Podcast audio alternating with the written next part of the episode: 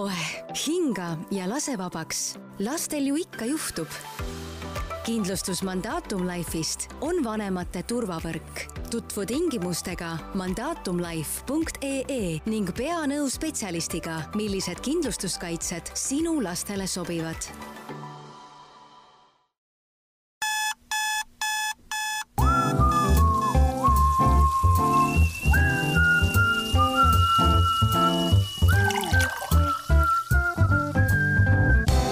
tere hommikust või hoopis tere päevast, tere õhtust, kallis kuulaja, millal iganes sinul on täna meie podcasti võimalus kuulata.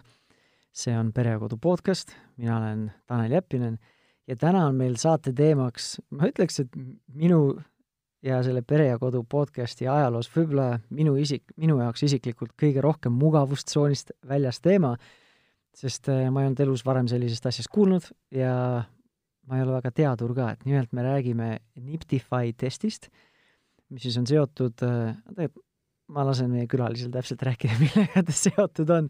et meil on külaliseks Kaarel Krutškov, kes on Tervisetehnoloogiate Arenduskeskuse täppismeditsiini labori juhataja. sain ma selle tiitli vähemalt õigesti? jaa, kõik oli õige. aitäh ja... sulle esiteks aitäh, Kaarel, et sa tulid oma mõtteid siia jagama.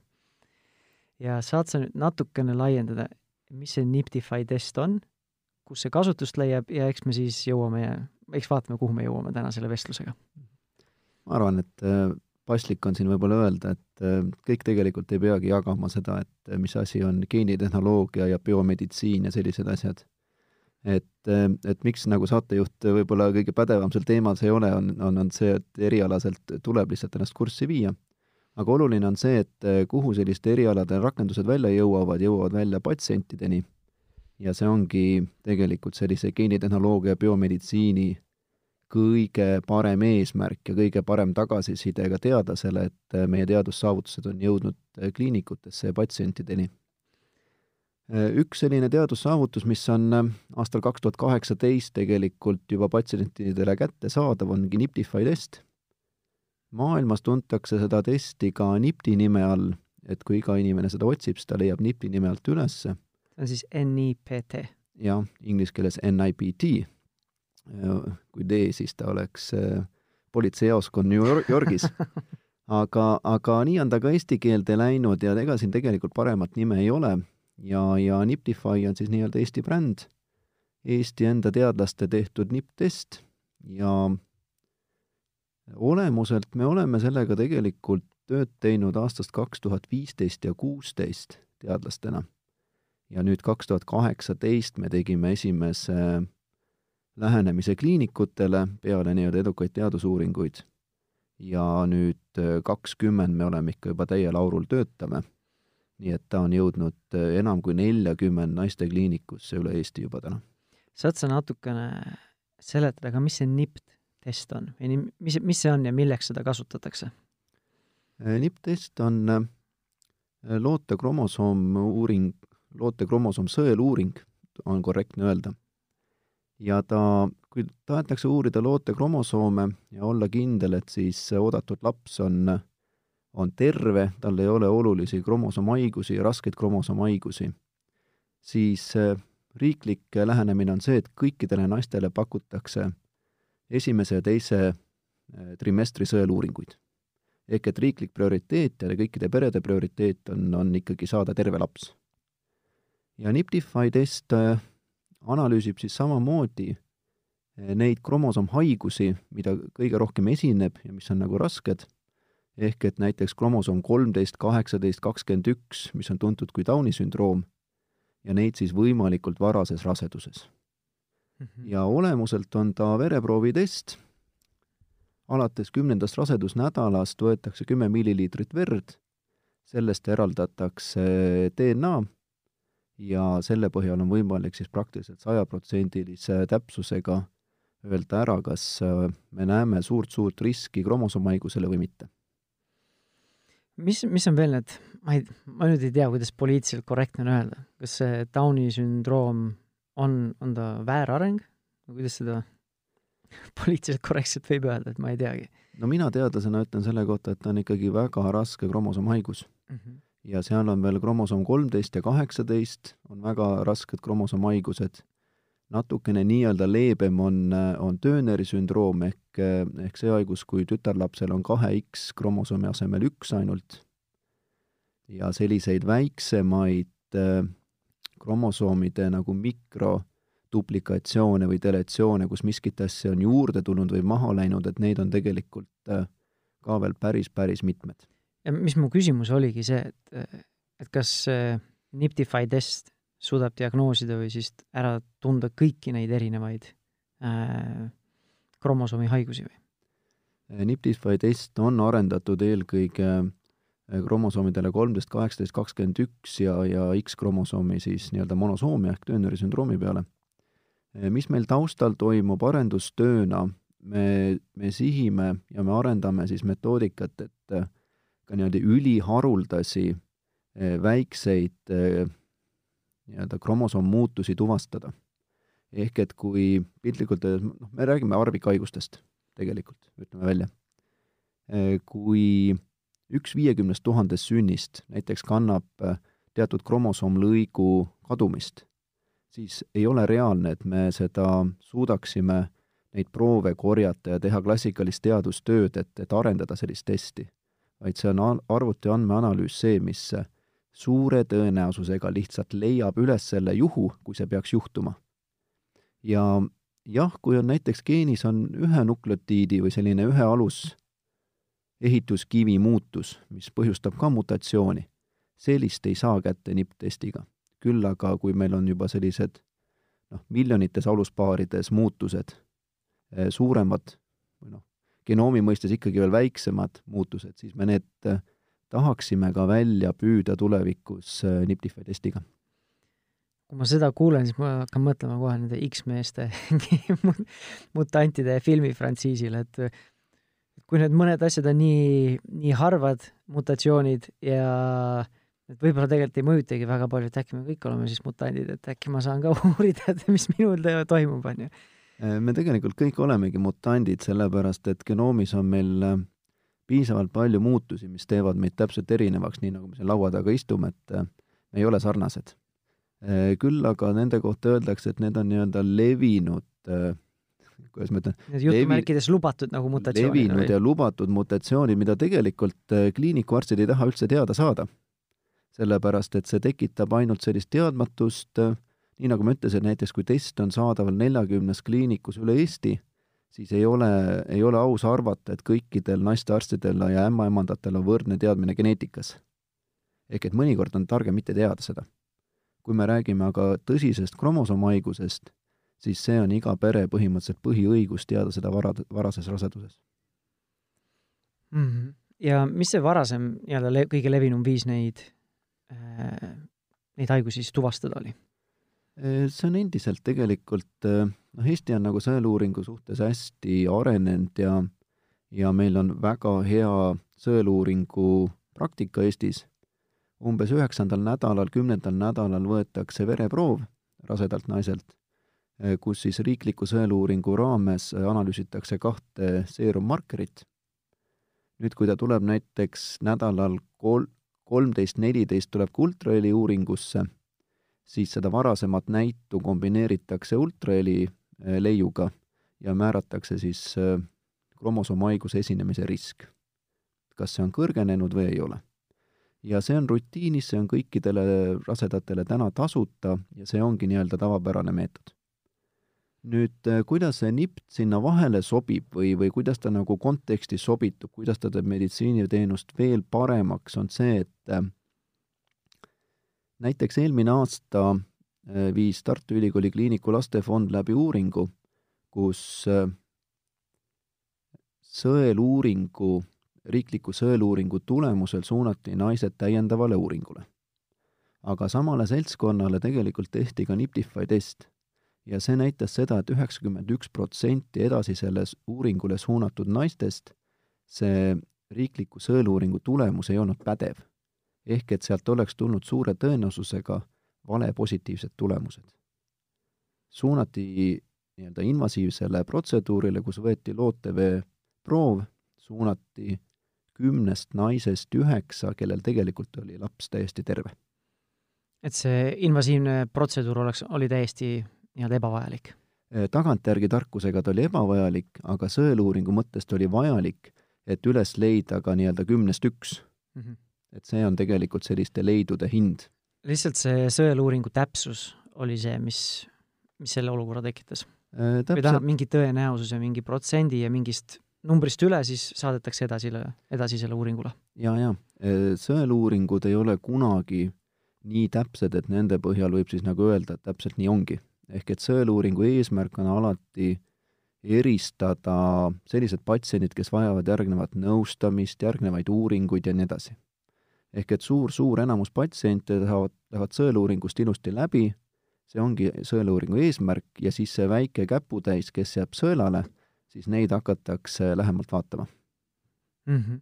aga sõeluuring selle koha pealt on, on piisavalt täpne, et ta leiab ikkagi need suur, noh, ma ei tea, kas sajaprotsendiliselt, aga suure tõenäosusega lõpuks leitakse ikkagi üles need, kus oli, oli vaja nii-öelda sekkuda. kus oli see kromosoomhaigus ja nii edasi. viimaste aastate, nii palju kui ma geneetikuid olen kuulnud nüüd hiljuti, viimaste aastate statistika näitab seda, et Eestis vist sündis kaks Downi sündroomiga last ja nad väidavad, et, et vanemad olid sellest juba algusest saati teadlik ja see oligi nende valik et eh, nii-öelda kogemata tööõnnetust, et eh, sõeluuring oleks midagi maha maganud, väidetavalt ei ole juhtunud viimasel aastal-kahel. Ehk siis see senine nii-öelda, ma ei tea, protseduuride jada või süsteem, kus on sõeluuring, siis on see invasiivne lootevee eh, uuring, on tegelikult nii-öelda täpne, aga lihtsalt ta on nagu ebameeldiv ja ta, kas ta on siis aeg, aeganõudev ka või mille võrra siis see Niptify test on nii-öelda siis ülem või siis parem või kiirem või efektiivsem või miks sellele üldse mõelda? riiklikus süsteemis see, mille tegelikult Haigekassa heaks kiitis esimesest jaanuarist, ta sobitub riikliku sõeluuringu programmi, ehk et kui kõiki rasedaid skriinitakse, siis umbes viisteist, kakskümmend protsenti rasedatest saavad ka Niptify testi. ehk et neil on kõrgenenud risk. ja veel enne, kui nad lähevad invasiivsele lootevee uuringule, tehakse neile Niptify test selles suhtes, et äh, ma ei taha riikliku sõeluuringu kohta midagi halba öelda, aga tegelikult Niptify natuke nagu lapib selle puudujääke. Aga kuna ta on ainult vereproovipõhine ja patsiendile ikkagi noh, väga-väga ohutu, siis äh, see on arstide poolt heaks kiidetud praktika ja, ja, ja niimoodi täna on nii-öelda maksimaalne kaasatus ja maksimaalne täpsus ikkagi tagatud. täpsus on vähemalt sama hea või parem siis, kui sellel lootevee uuringul? me peame rääkima siin sellisest asjast, et kust tuleb see DNA, mida me tegelikult Niptify testis analüüsime. Jaga natuke seda, sest kui me eh, salvestuse väliselt rääkisime, siis mul oli endal põnev kuulata, aga mitte nii-öelda, nii-öelda teadlase taustaga inimesel. seal on, seal on nipp-testil üleüldse, kas me räägime täna Niptify'st või me räägime välismaistest konkurentidest, loogika on täpselt sama, ehk et tegelikult nipp-test analüüsib platsenta DNA-d. platsenta on geneetiliselt loote päritolu ja ta kasvab emakas. ja ta annab nii-öelda ema vereringesse normaalse elutegevuse käigus kogu aeg nii-öelda normaalselt surevaid rakke. ja me nimetame seda rakkuvabaks DNA-ks, kui platsenta rakk sureb, tema elu, elu on otsa saanud, ta läheb ema vereringesse, seal ta kulgeb neerudesse ja maksa. Ja kui me võtame vereproovi sellest, siis me näeme muidugi, et suur pro-, suur osakaal sellest DNA-st, mis me vereproovist saame, on ema enda oma, aga seal kuskil viis, kümme, viisteist protsenti on ka loote oma. ja ta on loote platsenta oma. ehk et eh, kui me näeme tegelikult nipp-testiga ka näeme kõrget riski, isegi ilmselget riski meie, noh, meie mõistes, me näeme riskiskoori niimoodi, et eh, võime pimesi öelda, et seal on trisoomia, siis me saame pimesi öelda ainult platsenta kohta. loode ise seal sees võib olla täiesti terve. selle jaoks on vaja täiendavat uuringut, et keegi ometi ei tuleks nipp-proovi põhjal ütlema, et äh, ta tahab raseduse katkestada. Äh, geneetikud soovitavad seal kindlasti lootevee uuringut, jah, see võtab kaks nädalat rohkem aega, aga nad saavad kindluse, et äh, loode on kas ka pihta saanud kromosoomhaigusega või on täiesti terve. ja neid juhte on tegelikult, et just hiljuti raporteerisime ühe Downi sündroomi, meil endal ei olnud kahtlust üldse selles, ja, ja tagasiside haiglast ütles, et, et lootega, looteveest ei leitud seda. et selliseid asju juhtub. aga see laps ei ole veel sündinud? laps ei ole sündinud ja ei ole kaht-, nagu põhjust arvata, et lapsega peaks ka midagi olema. ma ei küsinudki seda, et me peame kahtlema aga... meditsiinisüsteemis, aga nii-öelda kollanokana lihtsalt, et kas meil on siis juba teada või ei ole, aga on teada see, et olid erinevad tulemused. jaa, tulemused ei lange kokku, sest tegelikult uuritakse kahte erinevat kudet. üks on ikkagi platsenta ja teine on loode. Seal on lootevesi ja loode, need on siis, nendel on sama põhimõtteliselt see mis iganes genoom või DNA või ma ei ja, tea, mida. seda peetakse samaks, et kui ikka looteveest ei leita neid äh, trisoomiaga äh, rakke, siis see üldistatakse loote peale. muidugi kolleegid arstid võivad öelda, et on ka mingeid erijuhte, aga üldjuhul äh, lootevesi ikka peegeldab loote enda seisundit mm. -hmm. aga selle lootevee uuringul, sellel on ainukene nii-öelda negatiivne külg on, või noh, ainukesed on see, et ta on invasiivne, ta on ebameeldiv ja siis see uuring võtab aega kaks nädalat või, või see tulemuse saamine võtab aega kaks nädalat või on seal mingid ma ei tea, varjuküljed või ohud või mingid riskid veel? seal on tegelikult ajafaktor, mis on hästi oluline. ehk et kui juba jõutakse lootevee uuringuni, siis ma võin natukene puusse panna, aga ma arvan, et see hakkab viieteistkümnendast nädalast alles kui saab looteveelt äh, nii-öelda täpseid andmeid? kui saab piisavalt, kui loode on piisavalt suur ja saab juba lootevett analüüsida ja va-, kui vastused tulevad seal veel kaks nädalat hiljem, siis tegelikult on see ajafaktor. ehk et eh, mida siis lapseootel perekond tahab teada, tahab välistada. ta tahab välistada nii-öelda kümnes nädal täis, ta tahab eh, saada kindlust, et kas ma lähen sugulastele rääkima, et, et meil on üldse selline uudis tulekul ja nii edasi Eh, ta läheb, teeb nii Niptify testi ära kümnendal, üheteistkümnendal nädalal, tal on praktiliselt nädalaga vastus käes ja siis eh, on kõik hästi. keegi ei soovi ennast vabatahtlikult praadida viisteist, kuusteist, seitseteist nädal. et see on ka tegelikult selline surve, mis, eh, mis suunab sellist nii-öelda võimalikke halbu uudiseid võimalikult varaja, varajaseks. et oleks, oleks otsused oleks adekvaatsemad, perekonnal oleks äh, lihtsam otsustada ja, ja geneetikutel kindlasti ka nagu lihtsam nõustada patsiente, kui seal peaks halvad uudised olema. selge. ja mis siis, kui sa ütlesid, et see NIPT teste on äh, välismaiseid konkurente ka, et see on nüüd siis Eesti bränd on Niptify, äh, kuidas siis Eesti teadlased võrdlevad, äh, võrdluses nii-öelda meie välismaiste konkurentidega võrdlevad, et on see Niptify'l mingeid eeliseid välismaiste testide ees või on nad põhimõtteliselt kõik üks, üks sama protsess ja üks sama, ma ei tea, test siis või, või tulemus? no muidugi sellise küsimuse peale ma tahaks otsida selliseid väljapaistvaid erinevusi. et kui me natukene laskume võib-olla sellesse, et kuidas sellist testi tehakse, siis jah, me uurime samat äh, kudet, uurime platsentat, me võtame sama palju vereproovi, umbes kümme milliliitrit, me kasutame DNA analüüsiks äh, samalaadseid aparaate ainukene erinevus, äh, miks võib-olla eestlastele võiks Niptify nagu olla oluliselt hingelähedasem, on see, et äh, me ei saada oma vereproovi Eestist välja.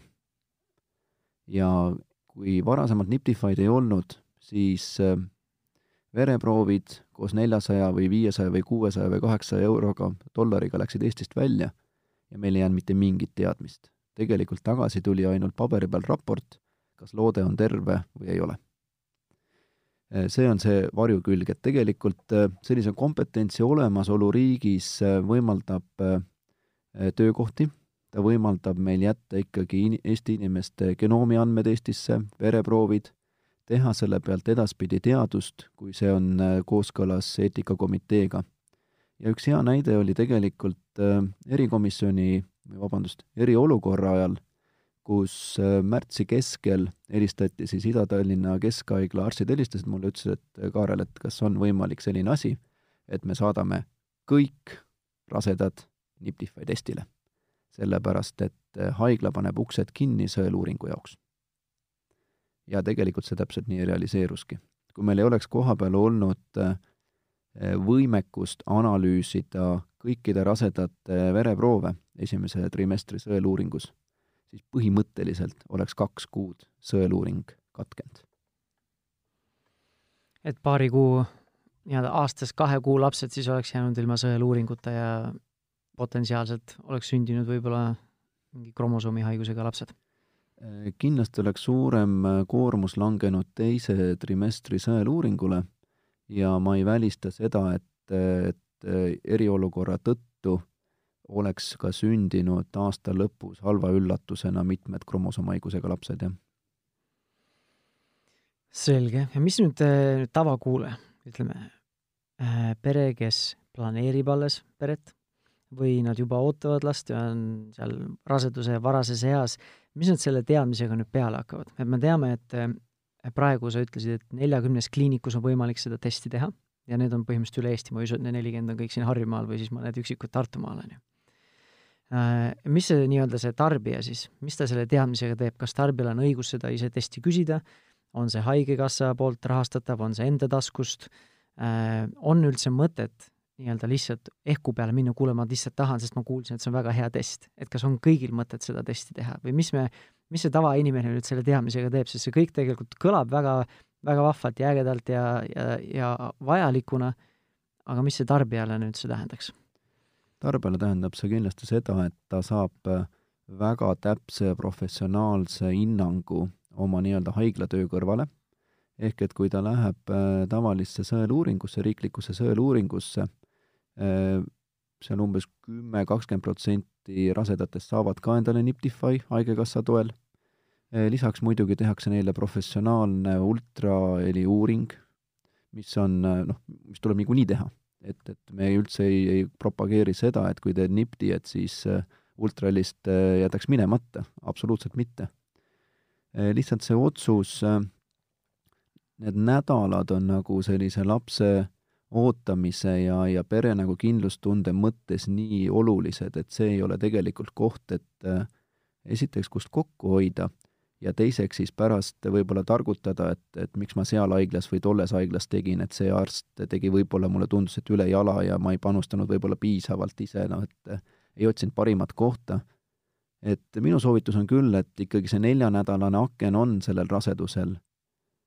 peredel ei ole neid äh, lapsi nagu nii palju, et nad ei jõuaks seda teha, et kui jõutakse üle tuhande euro olevaid iPhone'e osta, siis kahesaja viiekümne eurone Niptify test, et eh, tagada see, et lootel ei ole nagu kõige enam levinud kromosoomhaigusi, see võiks tegelikult olla selline kindlustuspoliis, mis, eh, mis võiks olla tehtud nädalal kümme, üksteist, kaksteist. Ja, ja siis on, siis on kindel, et selle uudisega võib minna vanemate juurde, sugulaste juurde, tähistada koos sõpradega ja muidugi pereringis. Et see, kui sa ütlesid, et see positiivne, kui see Niptify ütleb, et suure tõenäosusega võib olla, siis sealt võib olla tulla veel uudis, et tegelikult ei ole, on ju, kui lootevee-uuring tehakse. see on üliväike tõenäosus, aga see on olemas. aga vastupidi, et kui saad negatiivse Niptifailt? meil ei ole teada mitte ühtegi juhtu ja meie Belgia kolleegid, kes alustasid äh, kaks tuhat kaheksateist kõikidele rasedatele Niptify laadse testi pakkumist, äh, nad ei ole kahesaja tuhande testiga ühtegi Downi sündroomiga loodet maha maganud mm. -hmm. no ma tean, et teadus ei saa öelda sajaprotsendilist, aga selles numbrid on päris eh, muljetavaldavad, on ju. et see täpsus on hästi suur ja miks ma belglasi mainisin, on see, et Belgia oli tõesti pioneerriik, kus äh, seal olid teatud põhjused, miks nad nipti, nipti, nipti peale läksid, aga me tegime nendega palju koostööd ja tegelikult me võtsime sealt ka mitmed elemendid üle kõike ei ole mõtet jalgratast ise leiutada, aga nemad on meie jaoks nagu suured pioneerid ka.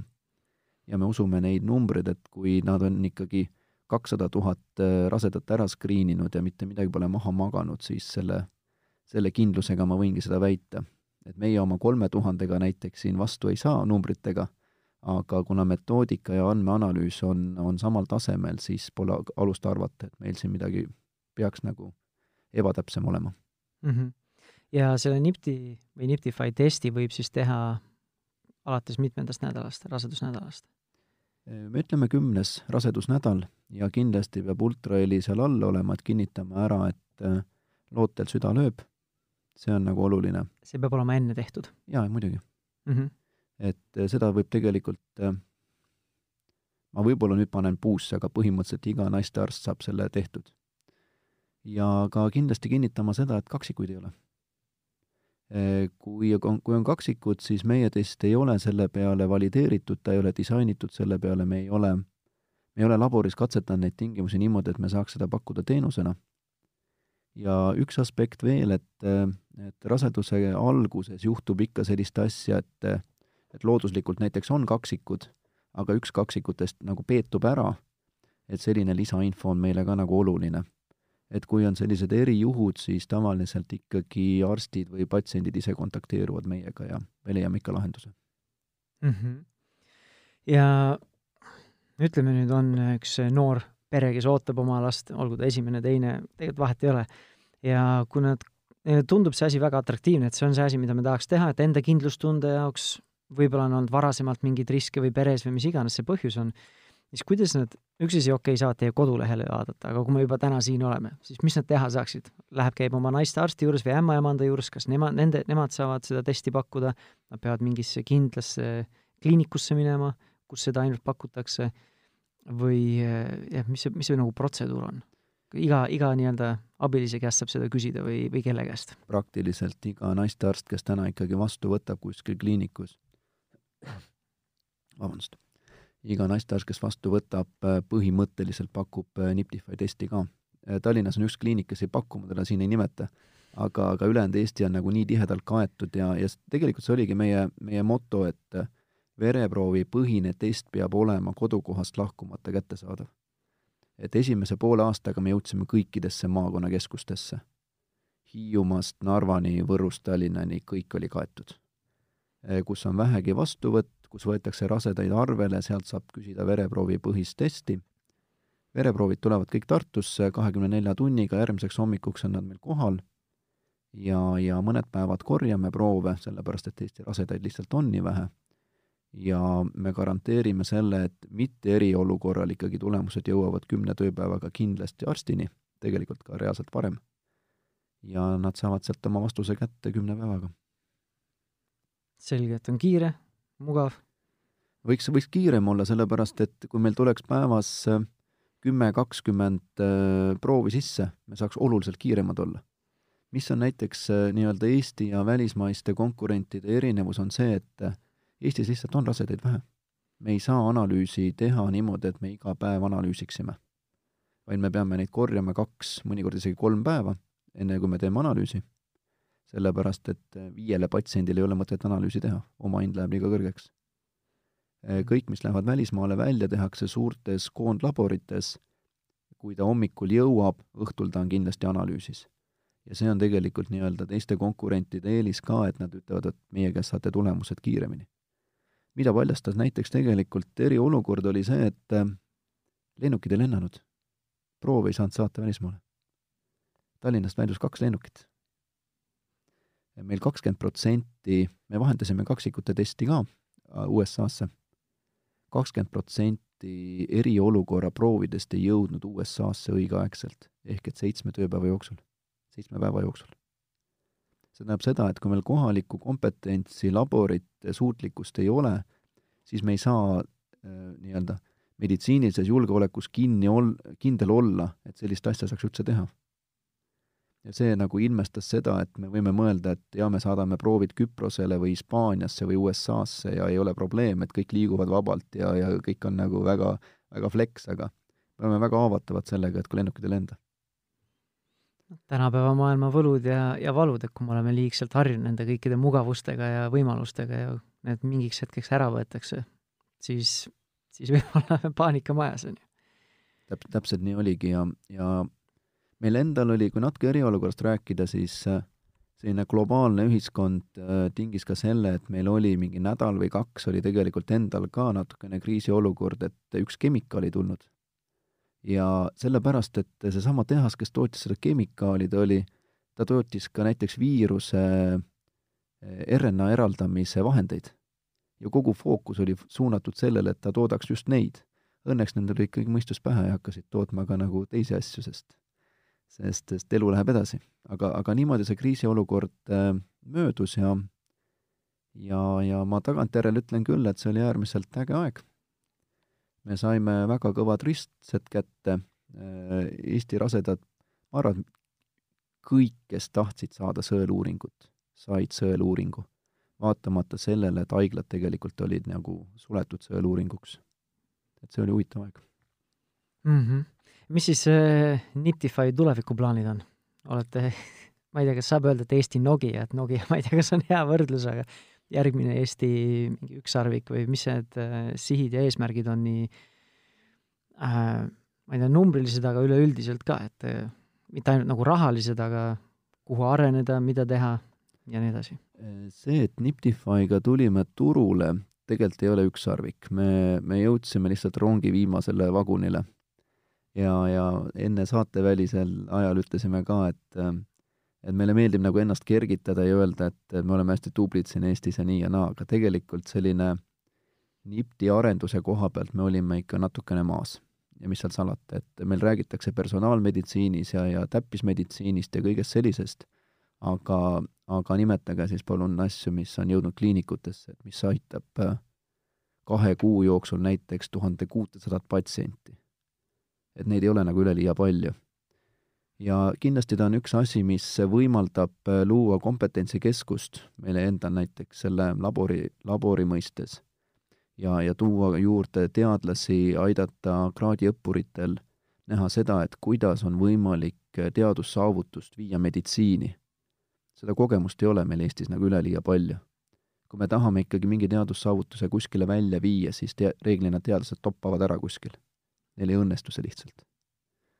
et sellise kompe-, kompetentsi ja, ja teenuse arendamise oskus peab olema sest muidu me jäämegi alati vaatama, vaatama välismaiseid pakkujaid ja mõelda, et et küll on tore sinna saata ja küll on tore nagu, et sellist asja pakutakse nagu flaieri peal, aga ise me ei oska teha, aga noh, teadlastena ma ei ole nagu rahul sellega, et me ei oska teha, muidugi oskame teha.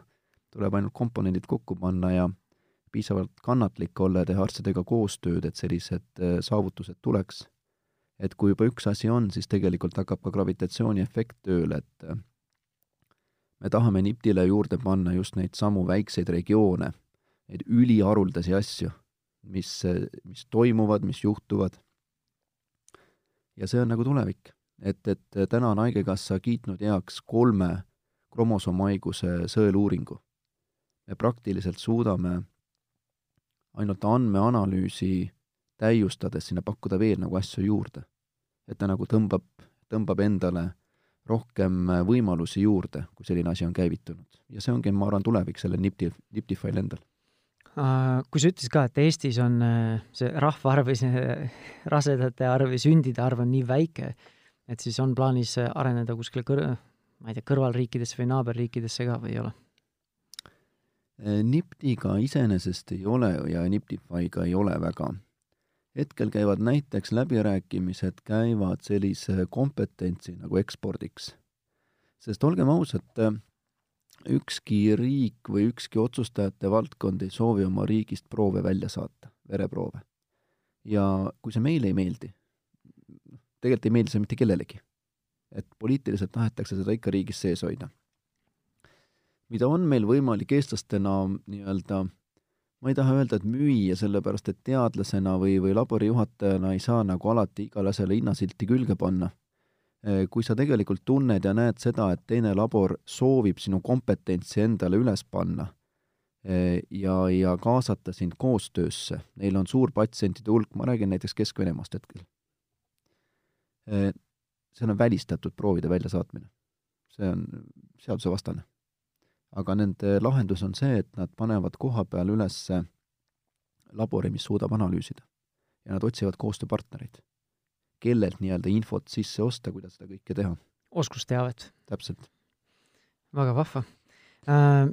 On, on midagi jäänud ütlemata või sai enamus olulisest informatsioonist kaetud, sest võib-olla ma ei osanud lihtsalt õigeid küsimusi küsida sellel teemal. tahad sa midagi rõhutada või midagi veel välja tuua lõpus siin? Äh, ma tahan rõhutada võib-olla seda, et et, et kõik lapseootel naised ja pered, kes lähevad siis ennast arvele võtma ja sõeluuringuid läbi tegema, et äh, Eestis on sõeluuring nagu väga hästi arenenud ja, ja kõik saavad oma nii-öelda põhiõiguse kätte ja riiklik prioriteet on, on saada terveid kodanikke. ja ma absoluutselt ei taha nagu väheväärtustada kuidagi ultraheli ja, ja praegust sõeluuringut lihtsalt kui, kui on tahtmist äh, täpseid vastuseid saada natukene varem, äh, ise panustada sellesse, investeerida, jagada häid uudiseid, olla kindel nagu lõpuni välja, et kõik on hästi, siis miks mitte investeerida enda tervishoidu me arvame seda, et või me oleme harjunud hästi sellega, et hambaravi on tasuline. me keegi ei arva seda, et me võime hambaarsti juurde täiskasvanult minna ja ja, ja keegi maksab meie arved kinni. küll aga me arvame näiteks, et, et muu meditsiiniteenus võiks olla nagu tasuta. et ma arvan, et inimesed võiksid olla hästi paindlikud selles suhtes ja, ja aru saada seda, et kui te ikka midagi väga tahate, siis te peate selle eest nagu välja käima selle summa, sest midagi teha pole, et Haigekassa on õhukene, ta ei jõua kõigile täppismeditsiini kinni maksta, et see on isegi väga suur saavutus, et ta tegelikult äh, katab ära kõrgenenud riskiga rasedate uuringud ja nii-öelda ta enda süsteemi täiustab nagu noh, viimaseni. et äh, seal veel midagi juurde unistada, ma arvan, ei ole ja, ja noh, suur tunnustus Haigekassale Eesti naistearstidele, kes selle kõik välja võitlesid väga vahva ja lihtsalt üle käia ka, et see Niptify test maksab kakssada viiskümmend eurot siis? no suurusjärk on selline jah, et äh, kliinikute mõistes ta võib natuke erineda, aga ma võib-olla mõne sõnaga, mis on nagu oluline, on see, et eh, ma kasutan, kasutan kahte minutit ja räägin, millest hind kujuneb. see on nagu niisugune mm -hmm. kütusemüüjate nagu selgitus, et miks hind on selline täna ja, ja miks ta ei ole teistsugune ehk et eh, me paljuski tegelikult sõltume sellest, mis reagentidega me katseid teeme. ja, ja Niptify testi juures on väga suur hinnakomponent, on reagendid. ehk siis mingid kemikaalid, mis tõstavad selle just. testi, ma ei tea, efektiivsust siis? just, ja seal ei ole, me mõtleme küll, et miks üks test maksab näiteks kakssada viiskümmend, eh, väga jämedalt öeldes pool rahast lähebki kemikaalide alla. ja me ei saa seda kontrollida, sellepärast et see läheb riigist välja meie ostame need äh, asjad sisse, ülejäänud on tööraha, nii-öelda töötajate palgad, et meil tõesti inimene, kes äh, tulemusi üle vaatab, on, on spetsialist, tal on kogemust ja, ja ta ei pea nagu, nagu teisi asju tegema. et äh, need hinnad on sellised, maailmaturu hind on oluliselt kõrgem muideks. Eesti on, Eesti on Euroopas kõige odavama nipptestiga riik üldse. ma üldse ei mõelnudki seda, et, et sa pead õigustama seda hinda, sest noh, hinnad on, mis nad on, et me ei, ei saa nagu seda ise tarbijana mõjutada. ja eks igaüks saab iseenda jaoks äh, selle otsuse teha, et kas see hind on väärt seda, seda hüve, mis see pakub. Et äh, saan kiiremini teada, saan mingeid riske maandada, saan võib-olla enda ärevust äh, maandada, sest see ärevus võib samamoodi negatiivselt mõjutada nii-öelda loota arengut, iseendal on see stress liigne, võib suhteid mõjutada ja nii edasi, et eks neid põhjuseid ole eri, ole erinevaid. ja kui inimesel on nüüd huvi või sellel noorel perel on huvi kus nad seda infot saavad, et on, koduleht on teil? koduleht on hästi lihtne, aadress niptify.ee mm -hmm. ja seal me oleme proovinud äh, üles panna võimalikult palju infot ka selle kohta, äh, mis on selle testi sisu iseenesest, näitame ennast ka oma, oma nägudega, kes tegelikult selle, selle testi taga on, et äh, kui te vaatate, siis tegelikult on Tartu Ülikooli teadlased seal taga. Ja ma ise olen ka Tartu Ülikooli teadlane teise jalaga. Et ta on teadussaavutus, ta on täppismeditsiini saavutus, ta on ühine saavutus Tartu Ülikooli teadlaste, bioinformaatikute, Ida-Tallinna Keskhaigla arstide, Tartu Ülikooli kliiniku arstide poolt. nii et see ei ole puhtalt Tervisetehnoloogiate Arenduskeskuse äpp kui selline või test, vaid tegelikult seal taga on teadustöö, seal on teadusartiklid ja kõik selline asi, et see tegelikult ei paista alati nagu välja, et jäämäe tipp ainult paistab, aga aga suur töö on seal taga. kõlab küll niimoodi, jah ja muidugi ka rahustavat infot on seal, et, et, et mida näitab nagu riiklik uuring ja, ja et kui te saate nagu riiklikus uuringus saate kõrgenenud riski ja, ja siis järgneb NIP, Niptify test näiteks, siis eelmise aasta praktika ütleb ikkagi seda et, et üheksakümmend protsenti riikliku sõeluuringu tulemustest nüüd lükatakse Niptify testiga ümber, aga samal ajal, kui, kui Niptify test näitab positiivset tulemust, siis see kinnitatakse veel ära lootevee uuringuga. ja noh, seal nagu eksida on, on juba oluliselt väiksem protsent. nagu sa jutu käigus rääkisime ka, et see sõeluuring, nagu sa ütlesid teie andmetega, et kümnest üheksa olid ilma põhjuseta seal, mitte põhjuseta, aga selles mõttes neil ei olnud, ma ei oskagi paremini loode oli tegelikult terve. loode oli tegelikult terve. vaata, aga suur-suur aitäh sulle, et sa tulid oma mõtteid jagama ja ma loodan, et sai kõik oluline äh, jagatud ja nii-öelda tarbija või siis meie tulevased äh, emad ja isad, siis äh, neil on informatsiooni, mille, mille põhjal siis teha paremaid otsuseid. aitäh kutsumast! ja aitäh sulle ka, kallis kuulaja! Kui sul on huvi selle teema vastu, siis niptify.ee oli, oli see koduleht ja kui see tänane saade läks sulle korda, siis meil on saadete arhiivis kümneid ja kümneid saateid, küll ma ei tea ühtegi teist saadet, mis on nii-öelda täpselt eh, täppisteaduse teemal, aga meil on siis ülejäänud vanemlusteemalisi saateid ja need varasemad saated leiad kõik oma nutitelefoni podcasti rakendusest või Spotify'st ning ka Delfi ja Pere ja Kodu veebiväljaandest. ja kui sa oled juba suur podcastide kuulaja, siis kindlasti vaata ka minu sooloprojekti Rahumeelse vanemluse podcast, mille leiad samuti oma nutitelefoni podcasti rakendusest. aga aitäh sulle veel kord ja järgmise korrani, tšau!